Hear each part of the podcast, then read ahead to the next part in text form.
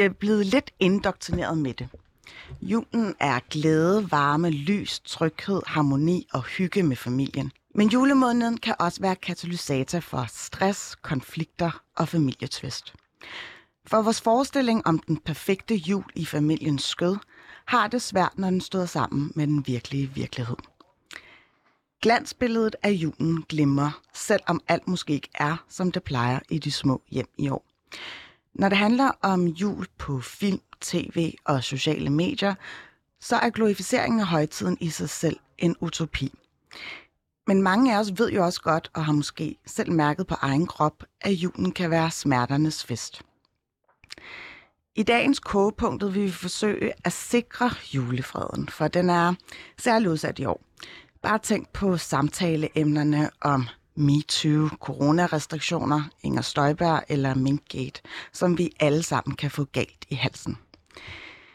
Derfor har jeg inviteret en håndfuld gode mennesker til at give os en række velmenende råd til at afværge den potentielle snestorm.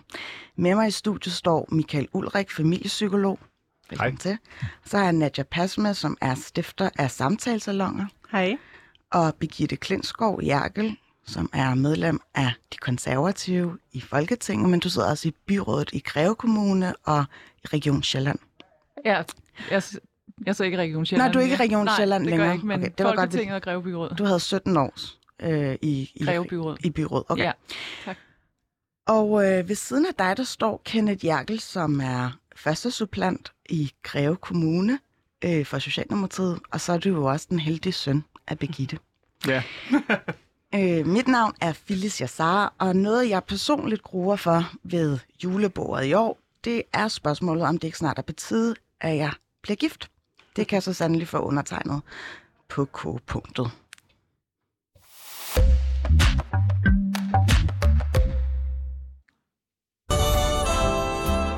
Kan du ikke lige prøve at komme en lille smule i julehumør? Altså? Så fucking lidt af rummet. Ved du godt det? Jeg gider ikke det. Jeg siger det Glædelig jul!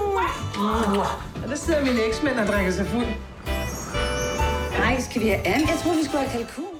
Ja, det var lige et sammenklip fra den tid på året, som er den her fantastiske julefilm, som uh, Paprika Sten selv spiller med i, og som har instrueret. Bare lige så vi får sat en, uh, en hyggelig stemning. For vi drømmer jo alle sammen om en rolig og fredelig jul, men uh, tit får vi det modsatte.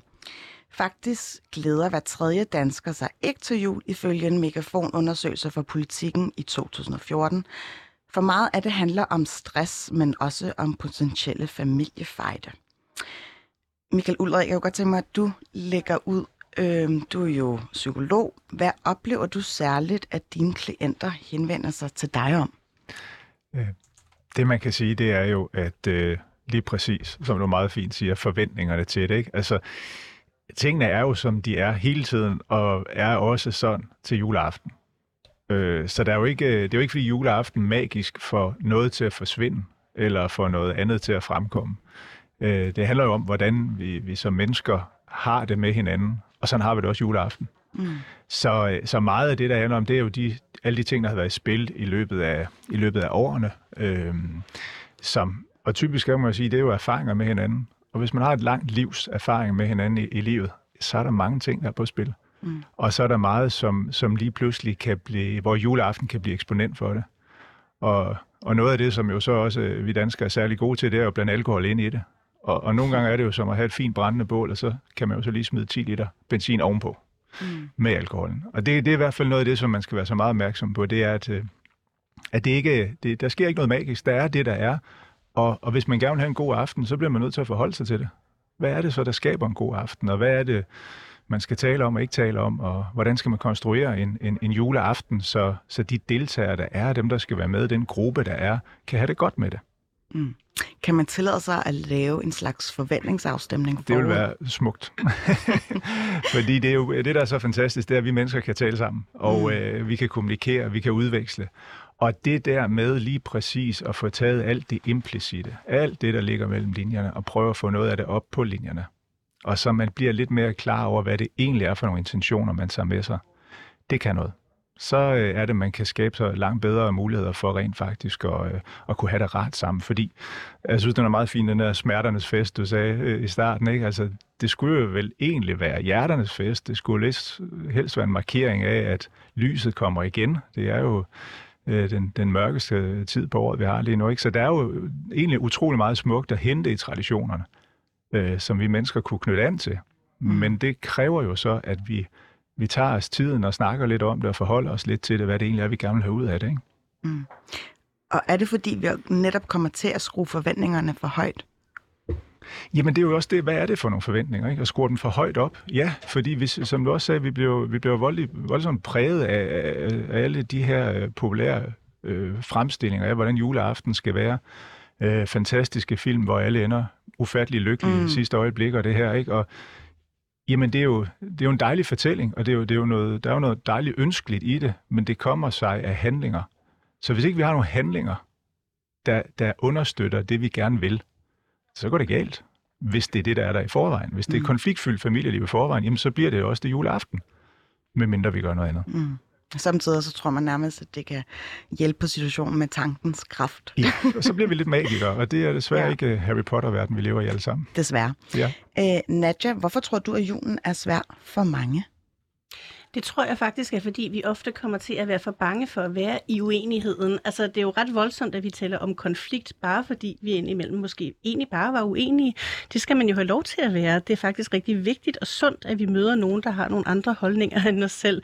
Og derfor så, øh, altså, så det der med, at bare fordi nogen så siger noget, hvor vi tænker, uh, det er jeg uenig i, så kan vi godt komme til at tænke, uh, nu bliver det ubehageligt eller uhyggeligt, og det skal jo ellers være så hyggeligt. Men det er egentlig et lidt forkert greb på det, fordi faktisk er det rigtig smukt at tåre være uenige sammen. Mm. Og nogen, der måske kan være uenige sådan rent politisk, det er mor og søn, Birgitte og Kenneth. Oplever I øh, nogle konflikter i forbindelse med, øh, med juleaften? Altså, julen er jo hjerternes fest. Og man siger jo netop, lad nu julefreden sænke sig. Mm. Øh, så altså, min indgangsvinkel til juleaften er jo, at vi skal hygge os.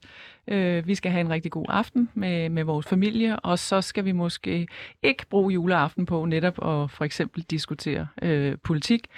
Det er jo også sådan, som du også var lidt inde på, at at man kender jo godt hinanden i familien, og man ved jo faktisk også godt, i der hvor der er nogle uoverensstemmelser, der hvor man ikke er enige, Øh, du indledte også selv med, at du øh, jo også ved, at øh, du måske får det samme spørgsmål år efter år, som kan virke øh, provokerende. Og, og derfor så tror jeg også lidt, det handler om at juleaften øh, og juledagen og lade nogle af de der øh, emner ligge, hvor man godt ved, at der kan opstå øh, nogle uoverensstemmelser, øh, sådan så der ikke øh, opstår de helt store øh, diskussioner, om man jo rent faktisk kommer til at hygge sig. Mm.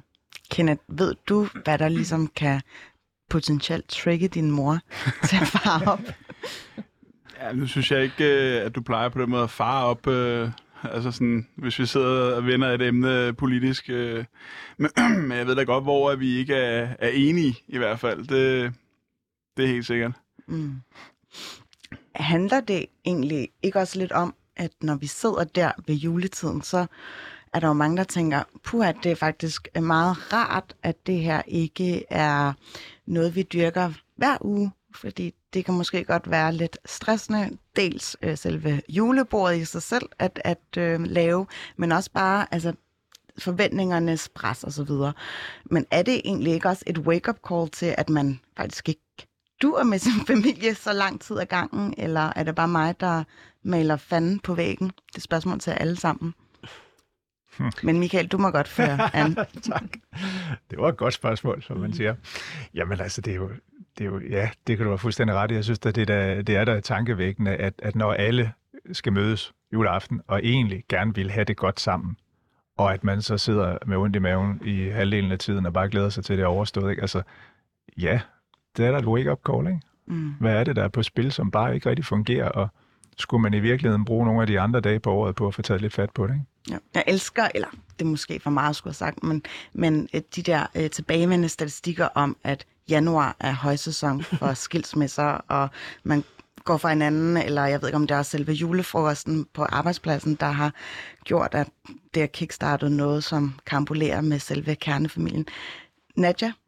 Ja, men jeg tror også bare, at, at det er rigtig vigtigt, at vi kan altså godt hjælpe os selv til at blive bedre til det. Altså uden at det er den her magiske tænkning, I taler om, eller at det bare sker af sig selv. I virkeligheden tror jeg, at vi nogle gange skal acceptere, at det ikke bare sker af sig selv, at der kommer fantastiske samtaler ud af det, men at vi kan hjælpe os selv og hinanden lidt til det. Så noget af det, jeg arbejder rigtig meget med, det er at udvikle sådan samtale starter, kan man sige, hvor man kan trække nogle, nogle spørgsmål, eller stille hinanden nogle spørgsmål, som ikke er dem, man plejer at stille hinanden, øh, sådan så man kommer til at tale om noget, der er vigtigt og væsentligt og spændende, uden at det, som du også var inde på før, Birgitte, altså bliver det her med nogle meget betændte emner, men at det i stedet for handler om noget spændende. Lige nu, så står vi i, altså vi har fået en historisk chance med corona. Vi har fået muligheden for at nytænke vores samfund fuldstændig, og det er jo virkelig, virkelig spændende samtalestof. I stedet for at stå og tale om alt muligt kompliceret og, og betændt, så kan vi i stedet for tale om, hvad er det for et samfund, vi ønsker at skabe sammen. Det kommer ikke lige af sig selv, at man kommer i gang med de der spændende samtaler. Der har man lige brug for en lille samtalestarter eller en hjælp på en eller anden måde. Men der findes masser af samtalespil og gode muligheder for at sætte sådan noget i gang, så man kan jo godt lige hjælpe det lidt i gang, kan man sige. Kan du afsløre, hvad et øh, øh, godt spørgsmål kunne, altså, man kunne bruge som som led i en samtalestarter? Øhm, uh, det kan komme vidt omkring. Øhm, et af dem, som jeg rigtig godt selv kan lide at tale med folk om, det er, hvordan man har det med at være nybegynder som voksen. Øh, fordi at det kan være rigtig spændende at høre om alt muligt med, hvad man har kastet sig over af ting, som man ikke plejede at, at kaste sig ud i. Ting, man aldrig havde prøvet før. Hvordan var det pludselig at stå og være sådan lidt, lidt kikset og lidt akavet, når man er vant til at være ekspert og alt muligt andet. Og det åbner virkelig tit for, at alle mulige andre så også begynder at fortælle om, gud, jamen i coronatiden, så kastede jeg mig også over det her eller et eller andet. Og pludselig får man nogle helt nye blikke på folk, folk og, og fortalte om nogle ting, man ikke ellers lige plejede. Og det var bare et ud af, af mange, mange eksempler. Men, men sådan noget kan, kan åbne nogle andre samtaler, hvor man lærer hinanden at kende simpelthen på en ny måde. Mm. Birgitte, du markerede nemlig også, hvis du kan huske, i forhold til øh. spørgsmålet om wake-up call. Ja, altså, jamen... Øh, jeg tror bare, det er vigtigt i, i forhold til julen, at man jo netop øh, tænker over det her med, at man jo samles rent faktisk for at hygge sig. Øh, og at man jo så på den måde, øh, det gør jeg i hvert fald selv, øh, måske sluger nogle kameler i forhold til, øh, hvis der kommer nogle emner på bordet, øh, og, og man begynder sådan at drøfte, og jeg sådan øh, kan mærke, at der er jeg øh, simpelthen øh, bare ikke enig. øh, og måske er en del af, af, af debatten til at starte med, og at man så simpelthen øh, måske sluger den kamel, og så siger, ved du hvad, den tager vi lige en anden dag, den der. Det skal ikke være i aften eller i juledagene, øh, fordi nu skal vi ikke ødelægge den gode øh, stemning. Hvad er det for nogle kameler, hvis jeg må Nej, altså, men jeg, spørge? Ja, det må du gerne. Altså jeg tror jo for eksempel, øh, tror jeg rent faktisk, at øh, noget af det, der kommer til at fylde rigtig meget rundt omkring øh, hos danskerne, når de nu samles her i juledagene, det vil være øh, corona. Øh, det vil være restriktioner. Der er jo meget øh, delte meninger. Mm. Øh, vacciner, øh, bare for at tage et eksempel, øh, blandt befolkningen. Øh, og det er der noget, hvor man i, i hver familie øh, nødvendigvis ikke er enige. Det tror jeg, der godt kan skabe en, øh, en del øh, debatter mm. øh, rundt omkring. Og der tror jeg bare, det er vigtigt. Selvfølgelig er det vigtigt, at man er nysgerrig på, øh, hvorfor øh, andre har nogle andre synspunkter og nogle andre holdninger. Men at man så måske også siger, at øh, det er så ikke lige i aften, at øh, vi tager den helt store øh, fight mm. øh, verbalt om, omkring det. Øh, nu skal vi også huske, at øh, vi jo sådan rent faktisk er samlet for at, at hygge os. Og der tilskynder du mig til at gå videre til den anden runde, hvor vi ligesom skal snakke om, hvad er det helt præcis, der kan få sendende i kog i juletiden? Øh, vi har snakket om det her forventningernes pres versus reality, men noget andet er også de her øh, meget sprængfarlige emner, som jeg også listede op i introen. Det kunne jo være alt fra rigsretssagen øh, med Støjbær og vacciner osv. Øh, Nadja, hvordan taler man om den her type ting, uden at man lige pludselig kommer til at skændes? Uh, jamen der tror jeg, der er jeg egentlig meget på Birgittes hold i forhold til, altså jeg, jeg ved ikke, om jeg synes, man skal tage fat på de ting lige præcis i, i juleferien, eller i hvert fald, ja, corona fylder rigtig meget for os alle sammen, men kan vi ikke lægge nogle andre vinkler ned på corona, mm. end dem, som er de der meget politisk betændte. Så, så ja, altså jeg er altid til, at vi ligesom griber det an fra nogle andre vinkler, fordi det, der også kan være virkelig tungt for alle, det er det der med, når vi bare fyrer de samme gramofonplader af, vi har hørt os selv sige tusind gange. Det er ret kedeligt at høre sig selv gentage sig selv, men det er også kedeligt for de andre, eller provokerende for de andre at høre det der, man har sagt tusind gange før. Så det der med simpelthen at starte et andet sted fra, altså at kaste et eller andet ind, som gør, at, at vi får rykket den der pick op fra den faste gramofonplade og hen mm. et andet sted, hvor vi alle sammen er sådan lidt mere på, på usikker grund og, og, og skal udforske nogle ting for første gang sammen. Det er tit et virkelig godt sted at starte, øh, som gør, at samtalerne bliver meget mere spændende. Jeg hørte sige, at man nærmest skal spille på sådan et unsafe card frem for et safe card. Ja, ja, det kunne man måske godt sige, altså fordi der, der er, altså hvis du siger det på den måde, så, så er det der rigtigt, altså der er en hel masse, hvor vi alle sammen godt ved, hvad det er for nogle kort, vi plejer at smide på bordet, men, men hvis man ligesom sagde, hvis vi nu alle sammen tog dem væk, vi plejede at spille med, og så i stedet for bragt noget andet i spil, mm. så ja, så er der en god chance for, at det dels ikke bliver helt så konfliktfyldt, men også forhåbentlig langt mere interessant. Altså fordi vi vil jo, altså nu Birgitte siger hele tiden det med at hygge sig, ja, men, det skal, altså, men at hygge sig skal jo også være spændende. Det skal jo ikke bare være at sidde og udveksle ligegyldighed, og det, det synes jeg i hvert fald ikke er særlig hyggeligt. Wow. Så på en eller anden måde, altså der hvor man bliver opløftet og får røde kinder og mm. fremkalder hinanden som de mennesker vi er, det er jo, når der pludselig er noget spændende på banen, og det kan godt være alt muligt andet end ting, som er meget konfliktfyldte. Mm.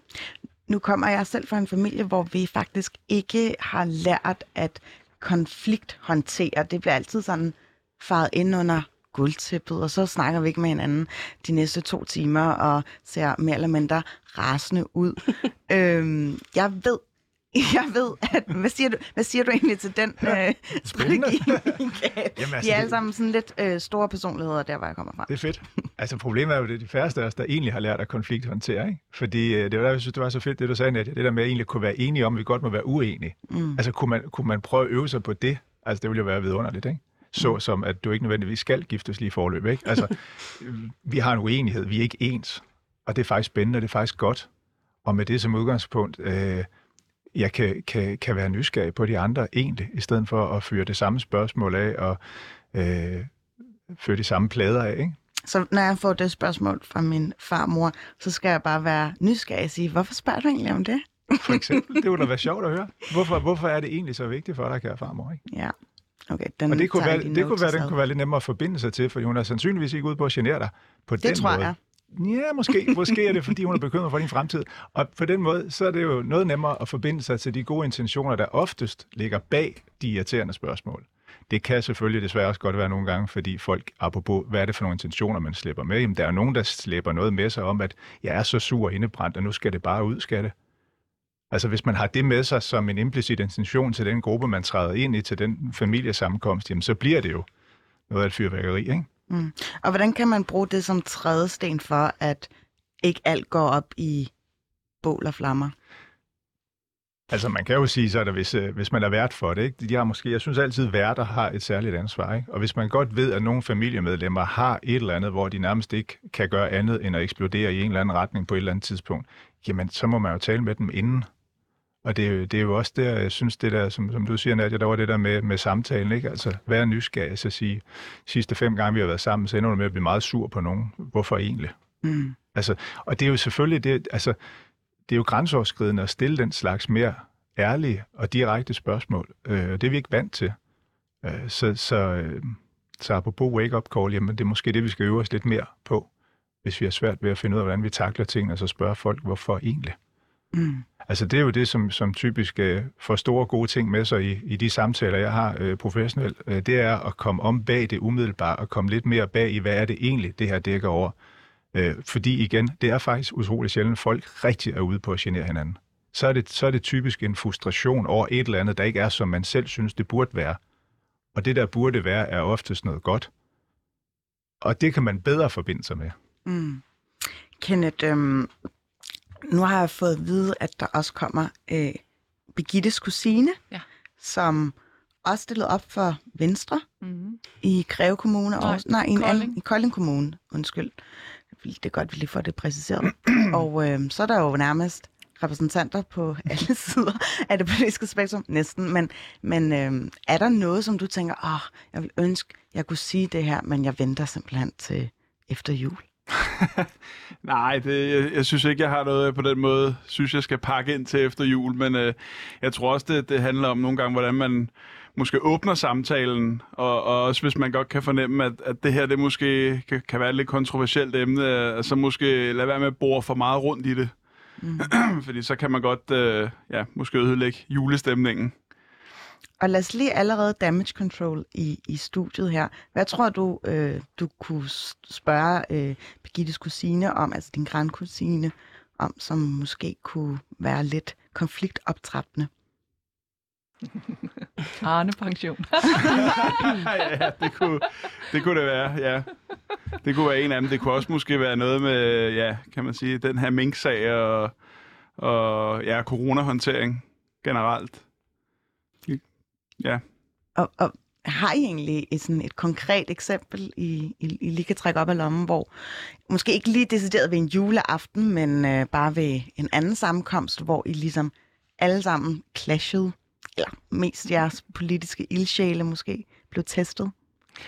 Altså, jeg kan faktisk et eksempel fra min barndom, øh, hvor at øh, min far og min øh, moster øh, er meget politisk øh, uenige, øh, rød og blå, øh, og begynder at diskutere noget politisk, øh, og hvor det faktisk ender med, at øh, min moster bliver øh, så vred, at hun simpelthen begynder at græde, øh, og bliver simpelthen så sur på min far, og rejser sig på bordet og går i hendes eget hus.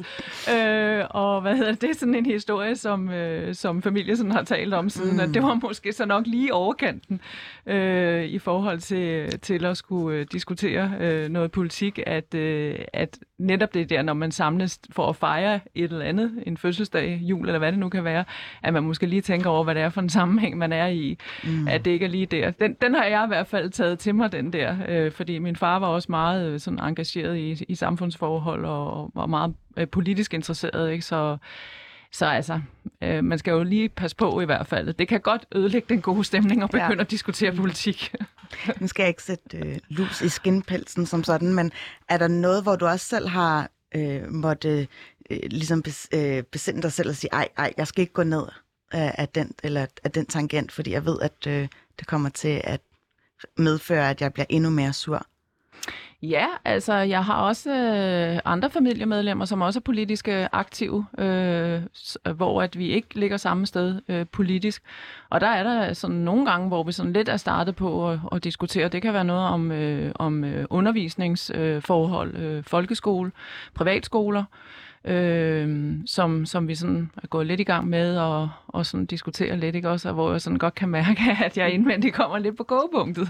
Mm. Øh, og tænker, jeg tror, vi skal bare begynde at lægge denne her diskussion ned nu, fordi det er jo ikke så rart at blive uvenner med sine familiemedlemmer på grund af nogle øh, politiske holdninger, hvor man simpelthen bare ikke er enig. Øh, det har sådan lidt, at øh, det, altså, man kan debattere i politiske sammenhænge, og man skal måske nok lige passe lidt på med ikke at, at blive uvenner med sine familiemedlemmer. Og så plejer jeg ligesom at sige til mig selv, jeg tror lige, at øh, vi skal have dysset den her diskussion lidt ned nu, og så mm. øh, snakke om noget andet.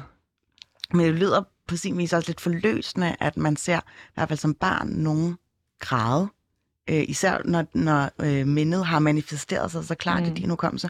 Ja. Jeg kunne godt tænke mig at øh, spille den over på mine eksperter. Hvad siger I til den slags øh, juleoplevelser? Hvorfor det ligesom også øh, har sat sig så, så klart i Begitte? Oh, jeg den, den, lyder, den lyder lidt interessant. Nej, for pokker, der er sikkert en omgang. Jo. Og det er jo, det er jo ja...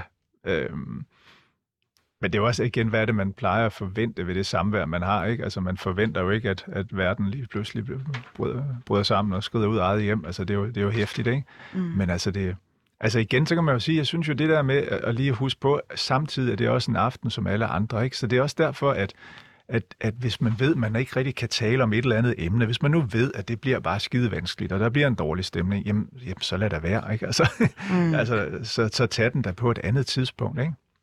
Men problemet er jo tit, at man kan som sagt slæbe noget med sig. Ikke? Altså, hvorfor er det også lige, at man bliver så vred over det? Ikke? Hvor meget har man egentlig på spil, og hvad er det, man er på spil? Ikke? Altså, er man i gang med en, en, en forholdsvis tryg, interessant udveksling af, hvordan man kan klare en uddannelsespolitisk øh, dagsorden? Jamen, det kan du jo sikkert godt diskutere, men, men som sagt, når det begynder at koge indvendigt, så er det jo fordi, det rammer noget mere end en eller anden hvad skal vi kalde relativt neutral drøftelse af et spændende emne, som man kan have forskellige holdninger til, og man måske kunne lære af hinanden.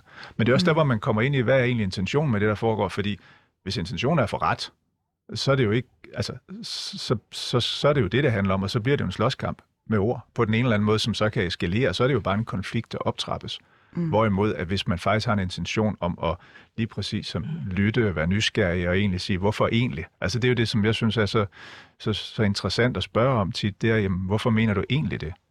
Mm. Frem for at bare lige tage det for pålydende og Arne pension, og det lyder da åndssvagt, og det ene med det andet, har du ikke tænkt dig om, og så kører den derud af, ikke? Så, så, så ja, Mm. Hvad så, hvis man øh, sidder til bord som nogen, der faktisk øh, på forhånd ikke rigtig siger så meget? Og man ved måske, at øh, hvis, hvis vedkommende åbner munden, så kan det bare være en ladeport for, at øh, der kommer noget, måske potentielt brok, eller noget, som virkelig kan ødelægge julestemningen. Sådan en har vi nemlig i min familie. Hvordan øh, helgarderer man sig mod den stille type, som måske bare har taget tilløb til den her aften, og så lige pludselig, når han endelig bliver spurgt, så, øh, så er det skruen uden ende? Det vil jeg rigtig gerne svare på, men jeg stod faktisk lige og tænkte på en anden ting, ja. inden, øh, som var det her med timing i virkeligheden også. Fordi jeg tror, noget af det, der gør, at det bliver så, så komplekst juleaften, det er fordi, det er så stramt koreograferet en aften. Der skal ske simpelthen så mange ting. Så der er jo rigtig, rigtig mange ting, hvor hvis man lige begynder at snakke om et eller andet, som er potentielt sprængfarligt, så er det nu, anden skal på bordet. Eller så, altså, så lige om lidt skal vi pakke gave op, eller lige om lidt skal vi et eller andet. Og så er der faktisk ikke tid til at nå at folde den ud. Og derfor så kan det godt være, at, at lige juleaften ah. har man måske lidt oftere brug for at sige, okay, altså vi skal simpelthen ikke tage den her kæmpe diskussion om, om ratepension lige nu, fordi nu skal der også tændes lys på jul juletræet mm. eller et eller andet. Altså, så, så, så der er noget der, hvor man kan sige, en, en god samtale har jo også brug for tid til at folde sig ud, og uenighederne og meningerne, der kan brydes. Altså, det tager simpelthen noget tid. Så, øhm. så når man, du var lidt inde på det selv, Michael, at verden har jo også en facilitatorrolle. Ja. Men præcis, og hvis vi bliver netop i, i juleaften, som jo typisk er, ja, som du siger, strengt koreograferet, det er jo et meget fint billede på det, jamen det er jo så også, apropos hvordan man kan slippe ud af de lidt uheldige ting, mm. det er jo så måske at sige, nå, skulle vi ikke også videre, ikke? Altså så, så kan man jo også bruge den som sådan en stille og rolig øh, opmærksomhedsflytter. Øh, øh, så selvfølgelig er det, jo, det er jo fordelen ved det, ikke? Men øh, ja, så men hvis jeg lige skal vende tilbage til det, der egentlig mm. var dit spørgsmål før, så noget af det, som, altså et af de spil, jeg har arbejdet med samtalespilsmæssigt, det er faktisk et, hvor at, at folk, altså alle andre skal simpelthen lytte til den ene, der siger noget, og så må man faktisk ikke kommentere. Og så lytter man bare, og så trækker den næste et kort, og der lytter de andre bare til vedkommende. Og det er utrolig interessant at se, hvad der opstår i det der spændingsfelt, når, øh, når man får lov til at tale ud, fordi det er også tit det, der kan være problemet, og det, der gør, at tingene bliver meget konfliktfyldte. Altså det er det der med, at man hele tiden bliver afbrudt, eller at folk ikke lytter til, hvad der bliver sagt, men bare hele tiden sidder og tænker, hvad er det, jeg skal sige, hvad er det, jeg skal bryde ind med. Så nogle gange, nu siger du det her med verden som facilitator, altså nogle gange kan man jo også lægge den regel ind, som er, nu skal vi høre alles perspektiver på et eller andet, der er tre minutter til hver, og så skifter den simpelthen automatisk. Så nogle, sådan nogle små regler, det er nok lidt for meget til lige juleaften, men altså, man kan godt lave sådan nogle ting Fordi ind, der er et stramt program. Fordi der er et stramt program, og fordi der foregår alle mulige andre ting, og fordi der skal vi ikke nødvendigvis lege den form for juleleje lige juleaften, men til julefrokosterne eller til nytårsmiddag eller et eller andet, der kan der altså godt sætte nogle ting i gang, som også gør, nu siger du det her med, at du har en stille en i familien, som så eksploderer. Nogle gange er der jo altså også nogle stille mennesker, som faktisk er de allermest interessante. De er bare ikke dem, som er særlig gode til at tage ordet. Og der kan det også, sådan en lille regel, kan også godt nogle gange gøre, at nogle mennesker folder sig ud for øjnene af en, hvor man bare tænker, hold da op, havde du alt det på hjerte? Mm. Og det anede vi ikke, hvis ikke der havde været en regel, der gjorde, at nu var det nu, du fik ordet. Og før vi lige går videre, så vil jeg nemlig bare lige sige, eller spørge ind til jer, om I har nogensinde oplevet det, at der blev leveret noget, øh, noget breaking juleaften af en meddelelse. Er der noget, der står øh, soleklart i hukommelsen? Ikke lige umiddelbart. Der bliver diskuteret mellem øh, mor og søn her. Hvad siger du? Jeg vil bare høre, om, om I nogensinde har været vidne til, at der var nogen, der smed en bombe juleaften? Det, det tror jeg ikke. Det, det er ikke noget, jeg lige sådan kan erindre. Det må jeg sige. Fint nok. Jamen, så, så tror jeg, vi har haft den oplevelse alle sammen til gode. Mm-hmm. Kom videre i teksten. Vi vil gerne høre din holdning. Send en sms til 92 45 99 45 eller ring til os på 47 92 47 92.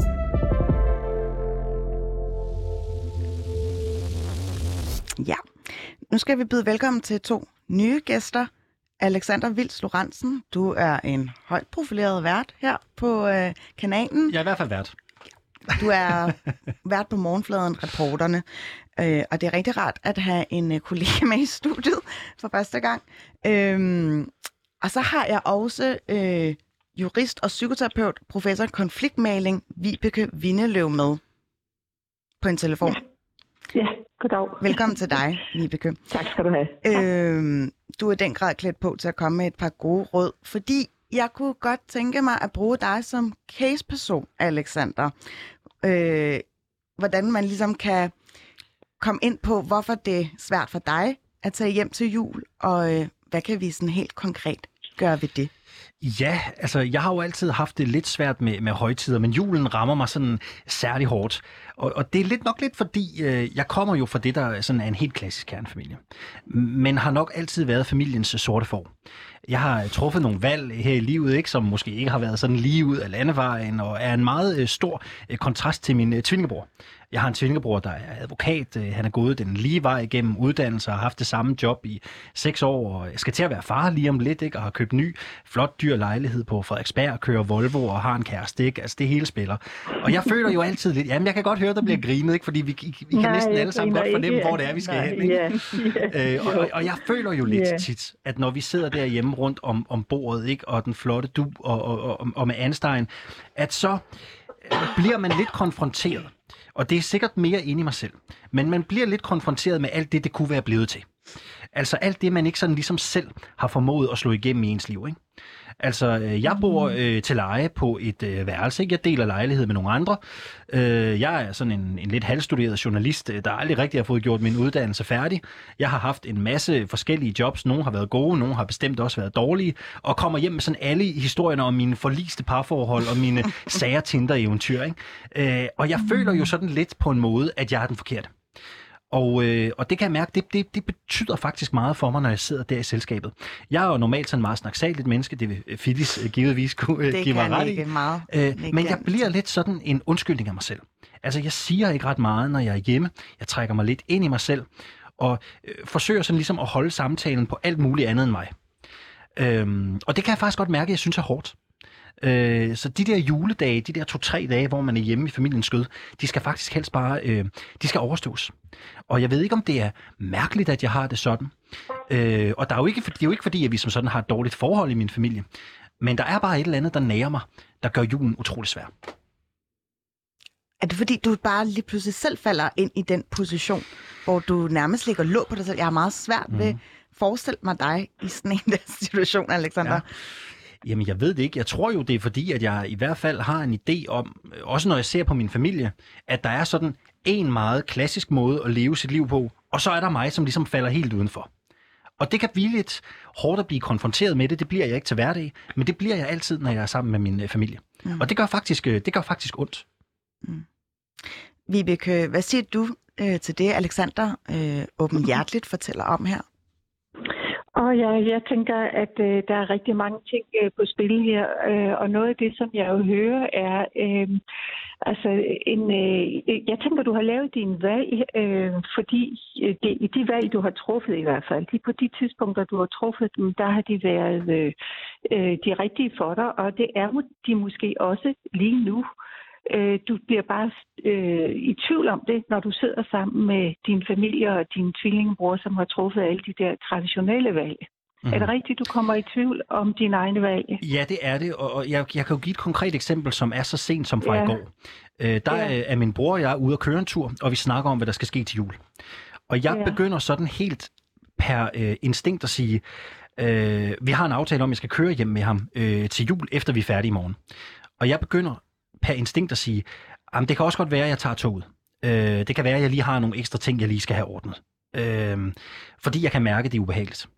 Og jeg ikke har Altså, lyst. du vil gerne undgå at sidde i bil med ham på vej til jeg Jylland? Vil, jeg vil måske helt gerne undgå at hjem til jul. Ikke?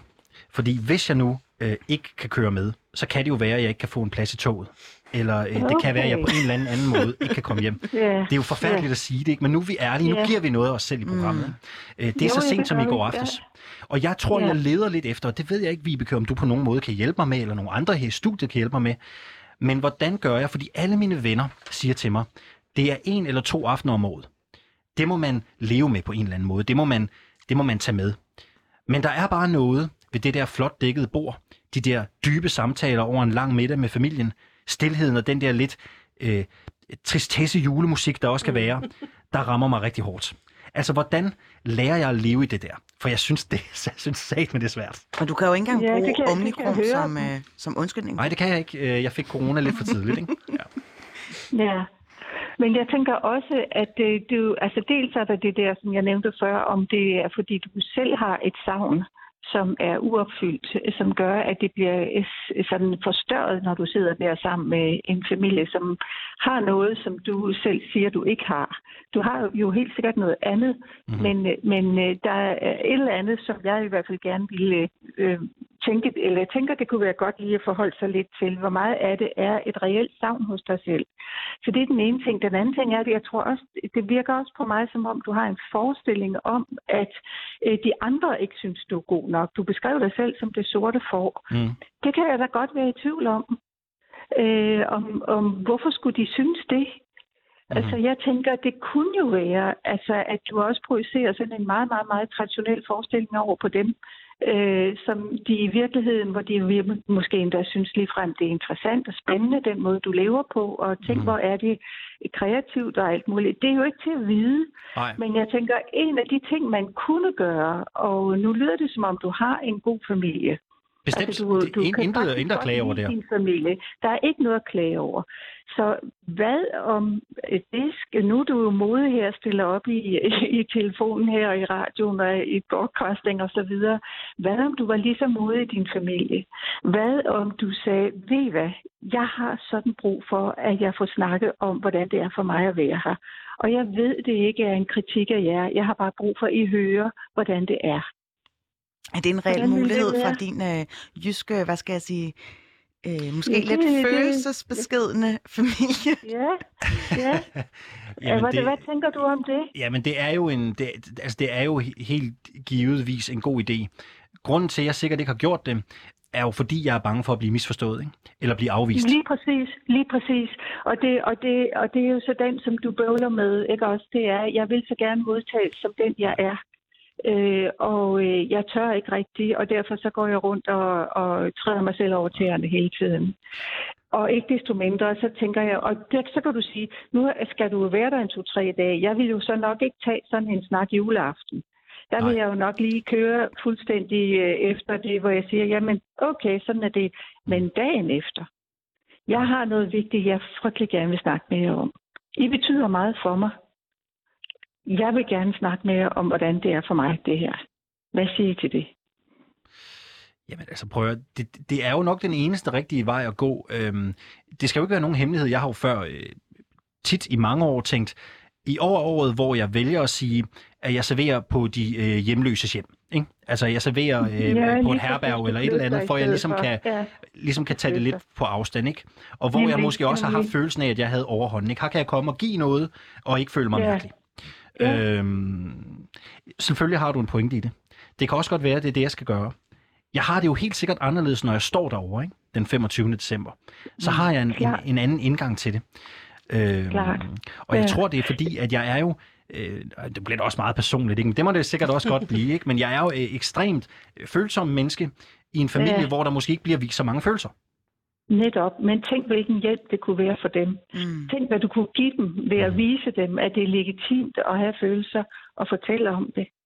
Du har jo en kæmpe pointe der. Du har jo en kæmpe gave, du kan bringe med. Og det er stort, det ved jeg godt. Mm. Nu tænker jeg bare, at du er en person, som ovenikøbet har stillet op i det her offentlige rum, og det synes jeg er vanvittigt flot. Og du er jo, altså, du har jo nogle vilkår, tænker jeg, hvor du, har, du taler om familie som en god familie. Du er god til at udtrykke dig, og du taler jeg-sprog, ikke mindst. Du siger ikke, hvis du ved, hvad det er, det er der, hvor man ikke siger, I, I, I gør det ved mig, eller I, I, I gør noget, som er forkert. Det, der sker for mig, det er sådan og sådan. Jeg er ked af det. Jeg bliver usikker. Jeg bliver alt muligt. Mhm. Bebrejder mig selv, at jeg ikke... Det lyder det jo som om, det kan du det der. Jeg skal, jeg skal Så lige jeg spille tænker, bolden en videre gave mod... Øhm. Ja, hvis jeg... ja, okay. jamen, han er en gave, og han er en gave, der bliver ved med at give til sludrene. Ja, lige Øhm. Ja. Michael Ulrik, du er i færd med at tage noter. det kan jeg ikke lade være, undskyld. det skal nok blive destrueret bagefter. Nej, jamen det, jeg synes, det er så spændende. Jeg synes, det er mega fedt. Øh, også det åbnede, du viser for dagen. Det er fantastisk. Det er lærerigt for mange. Ja. Og jeg synes Ja. også, det du, øh, det du siger, Vibeke, det, er jo, det, det giver simpelthen så god mening. Og det, jeg kommer til at tænke på, når jeg hører det, det er jo det her helt fundamentale af, at vi netop er bange for afvisning. Vi er jo bange for, Ja, for, den, for ikke-forbundetheden. Altså det, vi, det vi, vi er skabt i og som, som mennesker, det er at være forbundet med andre. Og, Ja. og, og ti, når man så sidder der og oplever sig egentlig anderledes end, jamen så føler man sig uforbundet. Og det, ja. som så øh, konflikten jo rent faktisk kan, eller det konfliktuelle, som, som du simpelthen sikkert øh, forestiller, det her kan være på den ene eller anden Mhm. måde, eller vil føles som øh, et øjeblik, du gjorde det, det er jo i virkeligheden der, hvor konflikten jo kan skabe en øget tydelighed, kan skabe sandhed, kan skabe forbundethed i virkeligheden. Så også som, som Vibeke siger, jamen det, der er jo en, en fantastisk chance at, at turde træde frem med den ærlighed. Øh, og Så det skal han ture- bruge som motor, eller hvordan? Præcis, ikke? Fordi der er jo altså igen sandsynligvis, som det lyder til en, en dejlig og rar imødekommende familie, som faktisk gerne vil dig. Og det du jo så gør, det er, at du viser endnu mere af dig selv. Og det er jo rart at kunne holde af det. Den tydelighed, der er i Og, det. og det er en kæmpe hjælp til de andre. Ja, Bestemt. ja, det kunne være interessant at høre, hvordan din bror ville reagere efterfølgende, fordi han kunne godt blive meget, meget tænksom, tænker jeg. Ja, han har lukket Øh, lunden. Altså på en eller anden måde har han læst, Ja. hvordan jeg har det. Eller det fornemmer jeg, han Ja. har. Han kan i hvert fald godt Ja. mærke, at jeg ikke er øh, komfortabel i rummet. Ja, Jeg ved ikke, Ja. hvordan jeg kan mærke det, men det er som om, at, at i nogle af de ting, han siger, også op til jul, er han bevidst om, at jeg måske ikke synes, de to-tre dage er verdens sjoveste. nej, Så, så, så jeg, kan, jeg kan fornemme, at han kan lugte det, ja, men lige præcis. uden at vi har Men taget en jeg stor tænker, snak ja, men jeg tænker også, at, øh, at øh, mit bud vil være, at når der i øh, familien ikke tales om øh, som grundlæggende om følelser i øvrigt, så kunne man godt forestille sig, jeg kunne godt forestille mig, at han måske bliver tænksom også på egne vegne. Hvad tænker du? Og det er jo de gaver, jamen det er jo de gaver, vi har, eller vi kan give hinanden, når vi er åbne på den måde, som du, som du overvejer, om du tør være i din familie. Altså der er jo, der er jo mange traditioner, som gør, at man, man gør bare, hvad man, hvad man forventes af, uden at mærke ordentligt efter. Ikke fordi det på nogen måde skal kuldkaste hans liv, men måske give noget mere dybde. Mm. Nu var jeg lige måske lidt fræk her, lige, men øh, ikke desto mindre. Ja. Nadja, øhm, hvad, hvad kunne en samtalestarter være for øh, familien øh, Vils Lorentzen? Nej, men det interessante er, altså nu er jeg jo hverken øh, psykolog eller konfliktmaler, så det må jeg hellere holde mig ude fra. Men, men din fortælling rører mig faktisk dybt, fordi jeg kender det simpelthen så godt selv. Altså jeg er også sådan en, der falder uden for kategori på alle fronter. Altså alle de der klassiske spørgsmål, hvis folk stiller dem, så har jeg heller ikke det svar, de forventer ligesom. Altså, og derfor så ender man ligesom i de der altså sådan lidt ikke-situation med, hvad er det så, jeg skal, skal svare? Og jeg synes egentlig, min familie har altid været super god til at rumme mig, som jeg er.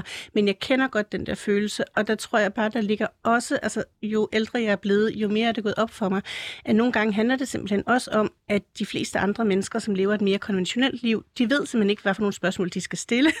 De synes egentlig, det er rigtig spændende, og de synes også sikkert, at du laver nogle fantastiske ting, og de gad måske rigtig godt prøve det, men, men de ved simpelthen for lidt om det til at kunne finde ud af at formulere de spørgsmål.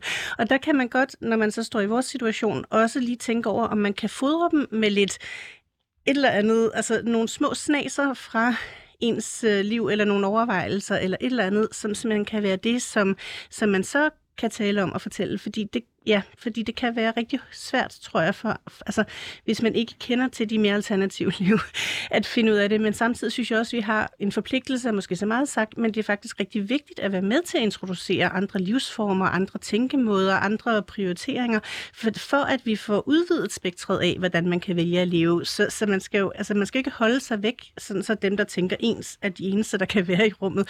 Man skal jo netop finde ud af en måde, man kan være til stede på sammen, og hvor du får lov at være dig selv. Kenneth, øhm, er der noget som helst i den her øh, unikke fortælling fra Alexander, som, som du bare kan genkende en lille af? Jamen det der synes jeg faktisk, der er meget af det, der er, fordi jeg tror lidt, jeg, jeg har også lidt levet sådan et liv, hvor at, at det måske heller ikke er lige ud af landevejen, ligesom alle de andre øh, har også gjort nogle utraditionelle ting undervejs. Og altså, i dag arbejder jeg som klubpædagog, men jeg er ikke uddannet øh, pædagog endnu. Øh, og man kan sige, at jeg er 31 år gammel, så, så hvis jeg skulle have gået den lige vej, så burde jeg jo være uddannet for længst.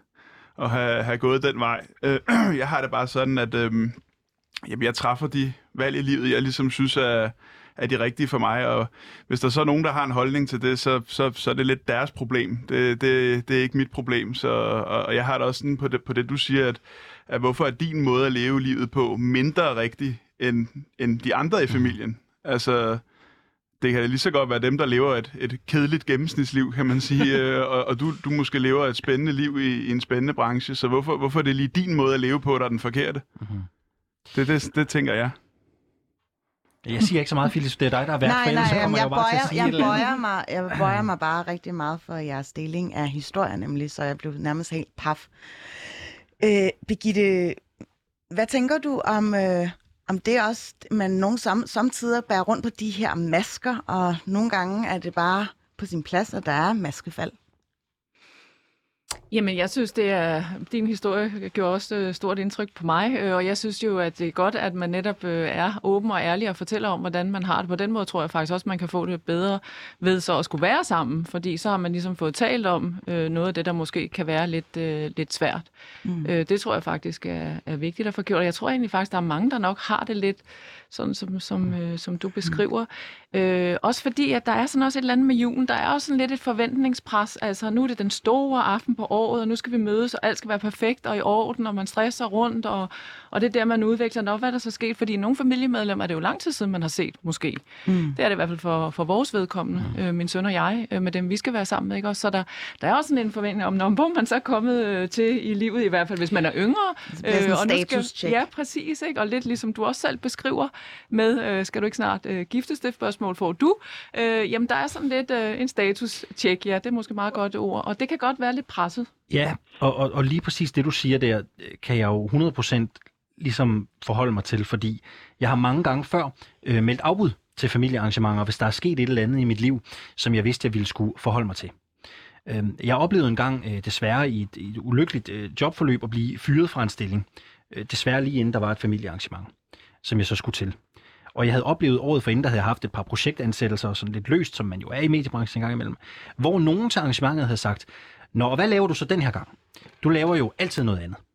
Og det kan jeg huske, det sad faktisk på en eller anden måde i kroppen på mig, så jeg ligesom mm. året efter tænkte, mm. jeg har faktisk ikke lyst til at øh, skulle sidde der blandt øh, alle advokaterne, alle juristerne, øh, alle dem, der arbejder i øh, finansverdenen, og øh, skulle øh, svare på øh, endnu en øh, løsansættelse, eller hvorfor jeg nu ikke havde købt en lejlighed, eller hvorfor jeg ikke havde en kæreste, øh, hvor jeg faktisk har meldt afbud øh, fordi det er ubehageligt. Mm. Så, så det, det, det, du siger der, øh, Birgitte, det kan jeg jo 100% forholde mig til. Har du nogensinde i tale sat de der succeskriterier? Fordi jeg kan godt lide selv at smide en uh, ret, uh, hvad skal jeg sige, skæv bemærkning, sådan, jeg skal ikke giftes, fordi jeg, jeg skal ikke være ligesom dig, farmor og farfar.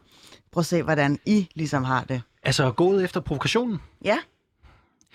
Det har jeg faktisk ikke, men, men det handler også om, at jeg bliver, altså jeg bliver, øh, jeg, jeg bliver et andet menneske i de der øh, samkvemssituationer. Jeg, bliver en, et, jeg, jeg er slet ikke det menneske, du kender.